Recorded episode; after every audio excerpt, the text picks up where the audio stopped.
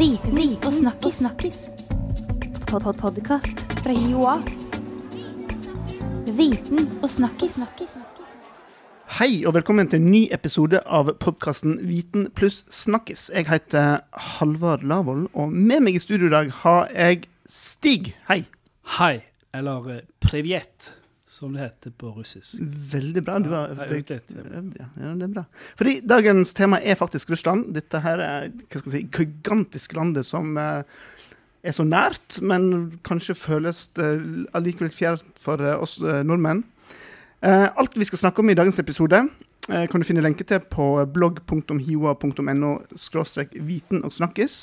Og der kan du òg selvsagt abonnere på denne podkasten her. Men eh, tilbake til Russland, Stig. Em, det skjer mye ting der. Ja, og på søndag er det valg. eh, Og for å snakke om, om det og andre ting rundt Russland, så har vi fått to russlandseksperter i studio. Det er Jørn Holm Hansen, som er forsker på NIBR, som er en del av høyskolen. Velkommen. Takk. Og Ådne Aasland, som er forsker på samme sted. Velkommen. Stemmer, takk. Ja, Søndag er altså parlamentsvalg i Russland. eh, Men det vi lurer på, da, om det har noen betydning eh, om hvem som vinner valget? Altså Styrer ikke Putin eh, landet med jernhånd uansett? Det er i hvert fall ikke så spennende valg, eh, fordi man vet i grunnen i stor grad hva resultatet kommer til å bli. Eh, I tillegg så er ikke Dumaen det viktigste institusjonen i Russland. Det er et land med veldig sterk presidentmakt. Og det er Putin f.eks. som utnevner statsministeren. og selv om Dumaen er en lovgivende forsamling og er viktig av den grunn, så er veldig mye av politikken som bestemmes, den, det skjer andre steder. Dumaen det vil da tilsvare vårt storting. Det er parlamentet, ja. Mm. Parlamentet, ja. De har to kamre, og dette her er ett av de to kamrene. Mm. Nettopp. Og Dumaen har 450 eh, deputater, eh, folkevalgte, og de skal nå i år eh, deles eh, altså det, Man har endret valgsystemet siden sist, sånn at eh, nå skal man velge eh, 225 fra partilister, rene partilister. Og så skal 225 velges fra enmannskretser, som er spredt rundt i, i, overalt i hele Russland. Vil det få noen betydning? Konsekvenser for eh, utfallet, eller hva? hva, hva? Ja, dette er en reaksjon på det som skjedde i 2011, da veldig mange gikk ut og protesterte mot det de så som uh, lite legitime valg, fordi det var valgfusk osv. Og, så og så var det noen tillempninger i valgsystemet som skjedde da. Eh, og dette var en av de tingene som eh, skulle tilsi at folk får mer myndighet eller makt over hvem som skal representere dem i Dumaen, fordi de kan stemme på folk i sine sin nære, nære geografi. Men det som antagelig kommer til å skje, det er at siden det er bare én som vinner fra hver, hver av disse kretsene, så er det lettest for eh, de styrende eller partiene å være den som får flertallet. Så man regner faktisk med at dette skal styrke det forente Russland, som er Putins eh, nærmeste parti. Da. Men vi, vi det regner med at det blir mindre valgfusk denne gangen enn sist? Eh, ja, det er grunn til å tro at det blir vesentlig mindre valgfusk denne gangen, fordi myndighetene ble skremt noe voldsomt etter eh, demonstrasjonene i 2011. Ja. Litt valgfusk blir det kanskje i noen av de mer eksotiske republikkene, som delrepublikkene av den russiske føderasjonen, som Bas Basjkortostan og Kanmykia og sånn. Ja. Men noe voldsomt omfang blir det nok ikke. Eh, også nød, stor nødvendighet Det er ikke nødvendig egentlig å drive noe særlig valgfusk heller, fordi myndighetene har ganske stor kontroll over det som skjer i forkant. Ikke minst eh, innflytelse over hvordan eh, massemedia eh, presenterer politikken mm. eh, myndighetene bedriver. Eh, men det skal også sies at massemediene slipper jo under valgkampen så slipper jo til eh, de andre partiene som stiller til valg, og de får eh, forklare politikken sin for, for offentligheten, men det har mer med hvordan eh, myndighetene som sådan, de som sitter med makten, hele tiden blir framstilt i et positivt lys. De har jo ressursene til å, måtte, til å få fram sitt budskap til og hva de ja. De sitter med masse administrative ressurser som de kan bruke. Og det er også viktig når folk skal avgi sin stemme, så tenker de på hvilken kandidat kan gi mest mulig, særlig disse enmannskretsene. Hvem kan eh, skaffe mest mulig ressurser til mitt eh, område? Og da gjelder det å være på parti med makta. Og da, da henger det også Det er også viktig å være klar hva slags parti eh, Putins parti er. For det forente Russland, som det kalles. Eh, Rasia. Det er ikke et parti i den forstand man kanskje tenker på et parti i Norge, f.eks., men det er en eh, sammenslutning av eh, medlemmer av eliten Ah, på ok. sentralt nivå, regionalt nivå og lokalt nivå. Og fungerer som en slags eh, koordineringsmekanisme dem imellom. Og som en slags forsikring om at de blir sittende og ha sine posisjoner intakt. Eh, derfor er det viktig for politisk parti å vinne med stort flertall, sånn at eliten føler seg trygge og ikke faller fra og hopper over på, på andre politiske alternativer. Sånn som vi f.eks. har sett i Ukraina, hvor man har hatt eh, jevnbyrdig størrelse på partiene, hvor eh, elitene eh, hopper fram og tilbake eh, ut fra hvem som sitter med makten. Eh, og, og velgerne har en tendens til å stemme da på de som sitter på disse ressursene, som Odden nevnte, administrative og økonomiske ressurser, bevilgninger, eh, eh, tillatelser osv. Jeg husker et par år siden var langt, langt ute på landet i Russland. Eh, en liten landsby og snakket med folk. Og der hadde de fått en, ja, en småby, kanskje, kan man kalle det. Eh, Fått en slags, ja, har fått en fin eh, ishockeyhall. Og på den ishockeyhallen så hang det en stor plakett hvor det sto, at denne ishockeyhallen er gitt befolkningen av eh, partiet Forent Russland. Sjekket jeg litt rundt dette, og det viste seg at den hadde egentlig ikke blitt gitt dem av partiet, den hadde blitt gitt av eh, lokale myndigheter. Eh, av offentlige midler. Men i det lokale kommunestyret så, så, var, så var Forent Russland i flertall. Det er en slags eh, sånn eh, tendenser til u-landspreg over, Ja, riktig, ja. over russisk politikk på, på dette området, i hvert fall. At det er eliten som, som, som styrer. Og, og hvis du vil noe i Russland, så må du måtte gå med på dette partiet her. Eller, eller ja. Men hvor, hvor mange partier er det som, som stilte valg her nå? da? Det er vel eh, 14, 14 partier, ja. Mm. Mm. Og de som har sjanse til å komme inn, eh, er dette partiet jeg nevnte, Putins parti. Og så er det Kommunistpartiet, som er det største og mest aktive opposisjonspartiet. Og som er i stand til å gi Putin og hans uh, team uh, juling. og så har vi et lite sosialdemokratisk aktivt parti som heter Rettferdig Russland. Og så har vi et uh, rabiat, uh, høyrepopulistisk, nasjonalistisk, ekspansjonistisk parti som heter noe feilaktig Det liberaldemokratiske partiet. Og det er, det er liksom Trump i ente potens. Det er han Sikorski, Zjirinovskij, ja. Det er Trump i ente potens, ja. og han har holdt på siden eh, Ja. 1991. Ja.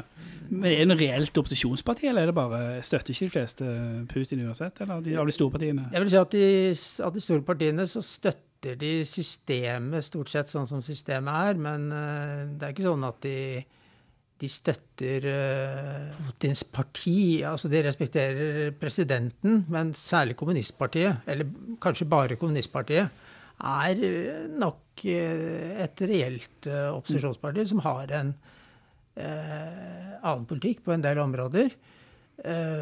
og, som, og som tør å legge seg ut med makten. Men det må også sies at dette partiet, kommunistpartiet, høres ut som et uh, veldig venstreorientert parti, men det tror jeg man kan stille spørsmålstegn ved. Okay. I økonomisk politikk så er de en slags sosialdemokrater. Ønsker å, offentlig kontroll over naturressurser og strategisk industri. De ønsker, eh, ønsker å ha eh, en sterk offentlig sektor. Eh, de står sterkt blant eh, Hvis de hadde kommet på campus her på Høgskolen i Oslo og Akershus, så ville de ha møtt de yrkesgruppene, studentene til de yrkesgruppene som de står sterkt blant. Det er helsearbeidere, Ja. eh, bibliotekarer, eh, Lærer? lærere. Eh, I det hele tatt det man i Russland kaller budsjettniker. budsjettniker. Å, ja. Som, har, sånne som, som sitter rundt bordet her og har vår lønn fra et eller annet offentlig budsjett. Så det er vårt parti, altså? Ja. Ja. Eh, det er vårt parti i den forstand at de vil slåss for våre økonomiske interesser og osv., men når de begynner å snakke om uh, andre ting, uh, som uh, livsstil, eh, kultur, nasjonens rolle og sånn, så tror jeg mange på campus her ville falle fra, for da, da er de rimelig dypt konservative. flørter med kirken. Eh, veldig tilhenger av et sterkt eh, Russland. Altså, de er ikke nasjonalister i den forstand at de, de, hakker på andre nasjonaliteter. Så dypt har de ikke sunket. Eh, men de er ekstremt opptatt av at Vesten er ute etter å ta Russland osv. Så, så det er litt sånn, det er litt sånn paranoid retorikk mm. over, over dette partiet. Mm. Du, vi, vi, må snakke litt om Putin. Um, vi opplever kanskje Putin sånn fra, fra, eh, Vesten, Norges side som en, en, sterk leder i, i Russland. Mm. Stemmer dette det inntrykket vi har? Absolutt. Han blir nok sett på som en veldig sterk leder. Han uh, har veldig sterk oppslutning i den russiske befolkningen. Han, uh, den har variert litt, men alltid vært, uh, altså, helt fra starten vært Eh, på over 60 eh, og gikk veldig kraftig opp eh, under anneksjonen av Krim. Da var støtten han har i befolkningen, den gikk opp til over 80% Og selv om det har vært nedgangstider økonomisk nå i Russland pga. fall i oljepris og vestlige sanksjoner osv., så, videre, så har han eh, omtrent like stor oppslutning som, eh, som en sterk Ikke veldig leder. merkelig, da? Det... Nei, du vet at På 90-tallet så var det en kaotisk tid i Russland, og han kom inn akkurat og ble sett på som en redningsmann som skap, skapte både stabilitet og, og, orden ut fra dette kaoset. Og så kom han også inn i en periode hvor Russland begynte å få eh, store inntekter fra var gunstige oljepriser, sånn at det mm. var um, god, sterk økonomisk vekst. Og i tillegg så har han dette symbolske som en sterk leder som sikre sikrer Russlands plass i verden som en betydelig stormakt, som kan tale Vesten midt imot, og som får Russland til å føle seg stolt igjen. Det tror jeg er viktig. På sted at faktisk utenrikspolitikk er viktigere enn økonomi i forhold dette valget, og det er jo litt spesielt. Eh, det tror jeg er eh, litt blandet. Jeg tror at eh, folk flest er bekymret, mer bekymret for økonomien enn utenrikspolitikken, men, men, de er opptatt av, og de følger debattene om utenrikspolitikk, og media, mediene er jo veldig preget av utenrikspolitiske forhold. Ja, man ser på, jeg ser på russisk fjernsyn omtrent daglig, nyhetssendinger på på, nett. Og det er eh, en litt underlig blanding av i og for seg saklig og grei informasjon om en del temaer. Og så er det en propagandakvern med bruk av de mest uh, bøllete mm. virkemidlene som finnes i verktøykassa. Mm. Uh, når det gjelder sånne vitale sikkerhetspolitiske ting, som Ukraina-krisen, eller også det amerikanske presidentvalget, mm. hvor de har en, et horn i siden til Hillary Clinton. Som fører til at man, de bildene de viser, og det er ganske mange av henne når de omtaler, som er i bakgrunnen når oppleserne snakker om amerikansk valgkampen, er det bare bilder hvor hun framstår som rett og slett ser uh, regelrett teit ut. Men Trump derimot Kerry ja, og Trump og Bernie Sanders og sånn, de uh, omtales med respekt. Ja. ja. Det er en slags link mellom Trump og For ikke å snakke om hvordan de framstiller forholdene i Ukraina, som er uh, helt innsides. Men hva med Europa, da? Hvordan fremstilles de i mediene, det med det tilsvarende Europa fremstilles med større grad av respekt, men de, de, vi fremstilles som eh, en syndens pøl. Ja, og det henger sammen med denne kulturkonservative vridningen de har hatt. Så for et par dager siden eh, en litt opphisset nyhetsoppleser forteller at EU eh, prøvde å å stramme opp uh, Ungarn pga. flyktningpolitikken deres og fremmedhat osv. der. Hvor vi fikk en um, panegyrisk hyllende framstilling av Viktor Orban og det regimet i mm. Ungarn mm. sin uh, heltemodige kamp mot denne europeiske hva skal man kalle det, lastefulle liberalismen som ga seg utslag i soft innvandringspolitikk mm. Men, men hva skyldes den konservative vendingen i Russland henger sammen med Putin? Hva, hvor, eh. Jeg tror det henger mye sammen med at Russland har fått, uh, har fått uh, ser på seg selv som en stormakt som kan være et alternativ til Vesten. Og går, det har vært konservative strømninger i samfunnet som uh, myndighetene da spiller veldig mm. mye på, og som kan sikre oppslutning om regimet. Jeg er ikke så sikker på at Putin selv står for en sånn linje, men at han uh, vet hvordan han skal utnytte disse strømningene i folket. Og, og jeg tror at mange også opplever at Vesten uh, utnyttet Russland i stor grad på 90-tallet. Ja. At uh, man kom for å gi gode råd, men at, man, i, at de rådene ikke var så gode. Man, privatiseringsprosessen ja. var ikke særlig populær, men Det gikk jo veldig dårlig òg. Og det gikk dårlig. Mm, så jeg tror det kan være mye av bakgrunnen. Mm.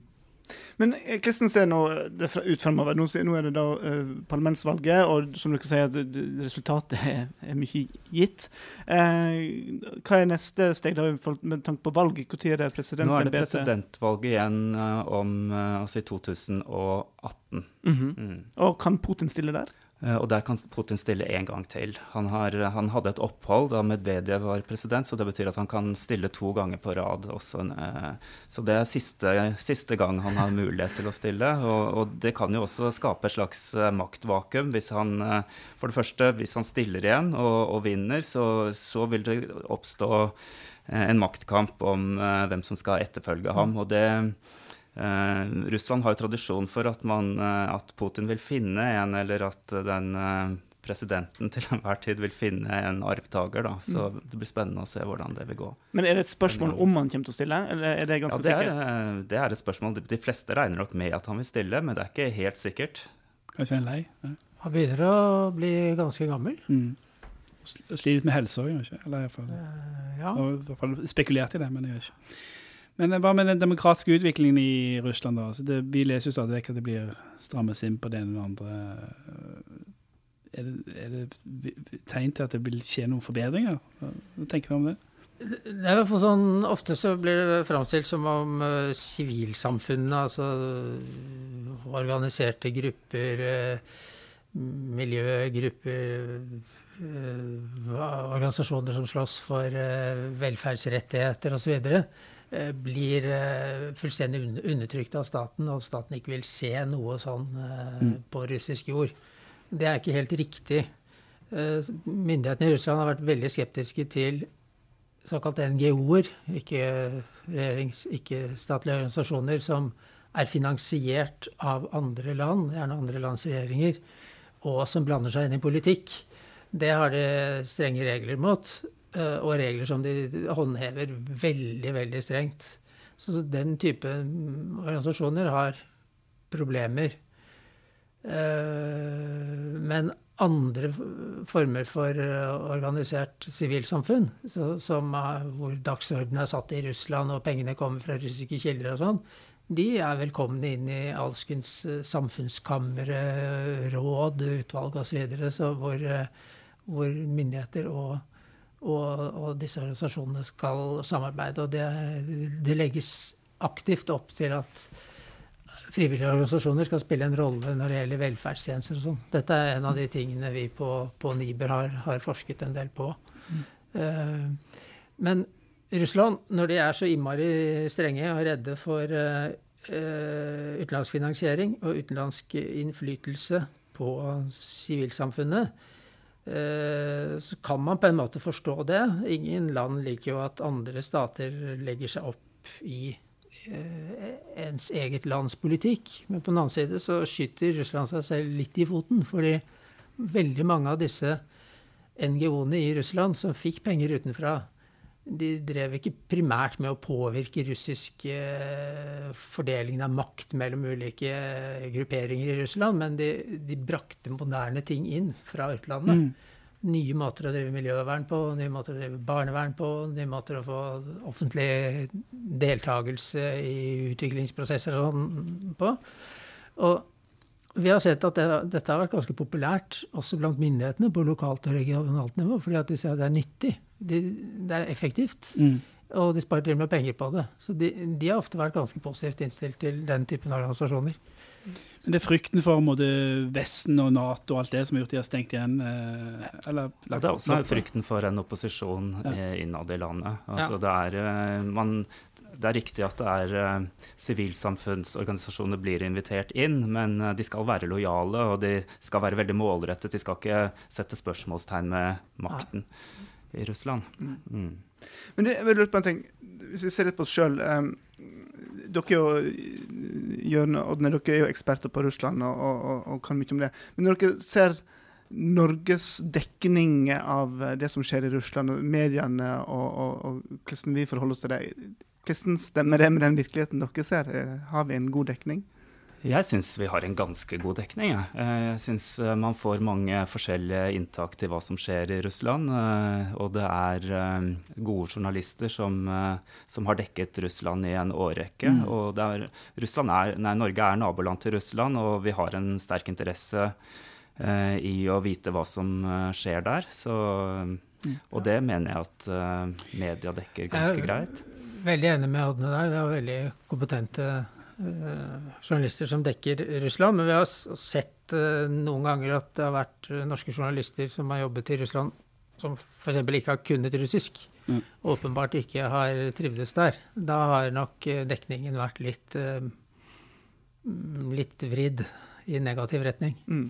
Og En annen ting er at Russland er et veldig veldig stort land. Og vi konsentrerer oss selvfølgelig mest om det som skjer i Moskva og i, eh, hos presidenten og, og blant myndighetene. Så det kunne vært interessant å få, eh, altså få journalister som også reiste mer rundt i det mangstrakte landet og dekket eh, prosesser som foregår der. Og sånn som vår forskning, den eh, foregår i flere av eh, Russlands distrikter eller regioner. og og vi ser veldig store forskjeller eh, mellom eh, geografiske områder. Ja, for det er et enormt land. Men jeg har en følelse av at vi kan veldig lite om eh, hvordan russerne tenker om ting. Altså, jeg har en følelse av at vi ikke forstår dem. Eh, er det riktig, eller? Det det er vel nesten tip tipse om å lese russisk skjønnlitteratur. Ja. Der er det så vanvittig mye bra. Hva er det beste vi kan lese? gamle ting og fra 1900-tallet og opp i vår tid. Mm. Så man kan få i hvert fall litt innblikk i hvordan man tenker i Russland. Og det er i et gjennomgående trekk ved litteraturen at det er masse humor i den. Så det er rett og slett uh, veldig gøy å lese. ja, godt tips for helga. Ta Plukk fram de gode bøkene. Dostojevskij og gjengen. Da må vi si tusen takk til Jørn og Odne. Tusen takk for at dere kunne komme og snakke om Russland. Eh, Det er veldig klokere, jeg. Altså. Ja, jeg føler meg eh, flere hakk klokere. Ja, så-. Flere hakk. Ja. Ja. Så nå jeg skal jeg rett og slett følge med litt på, på søndag på, på resultatet der og, og, og den videre utviklingen. Og tusen takk til deg som hørte på.